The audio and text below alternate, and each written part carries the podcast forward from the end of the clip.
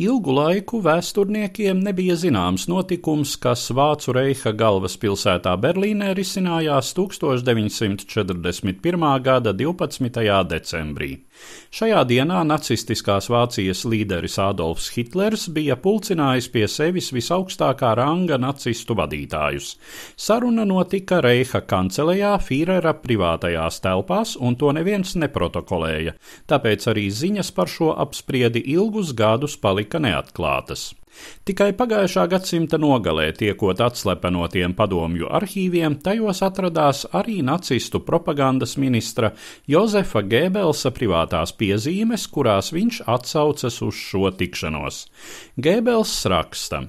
Runājot par žīdu jautājumu, Fīrers ir nolēmis nolikt visu savās vietās.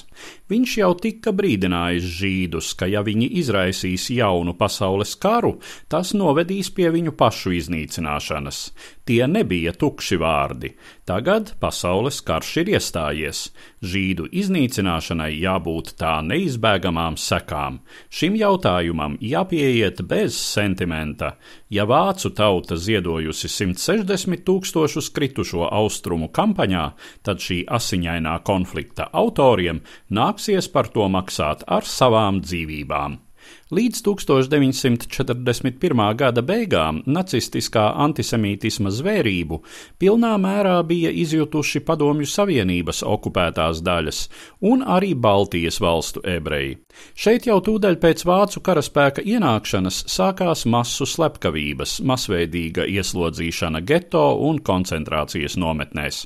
Tikmēr Rietumēropas ebreji līdz minētā gada beigām bija dzīvojuši kaut pastāvīgu draudu un pazemojuma apstākļos, tomēr netika sistemātiski iznīcināti.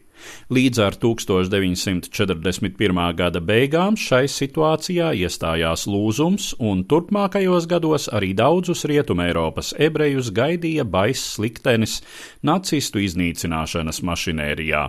Šis lūzuma moments sakrīt ar minētās pusslepenās sanāksmes norises laiku Reiha kancelējā, un vēstures literatūrā ir izskanējis viedoklis, ka tieši šī sanāksme varētu būt tas vēsturiskais moments, kad nacistu reiha līderis Adolfs Hitlers nepārprotami formulējis nolūku bez žēlastības izrēķināties ar visiem Eiropas ebrejiem.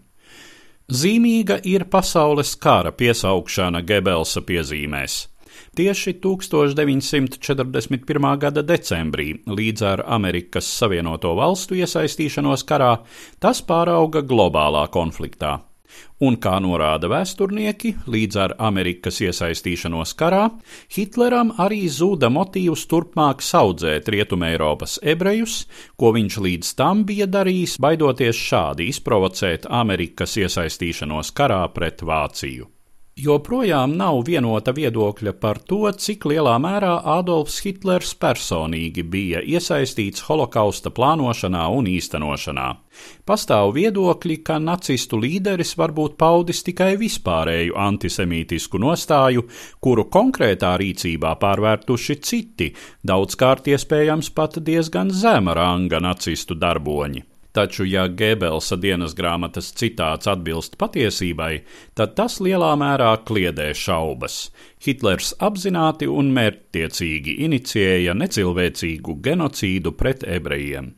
Tā bija tikai jauna pakāpe antisemītiskajā politikā, kuru nacisti bija piekopuši vienmēr, kura balstījās viņu ideoloģijā un iemiesoja visu hitleriskā totalitārisma antihumānismu stāstīja Eduards Liniņš.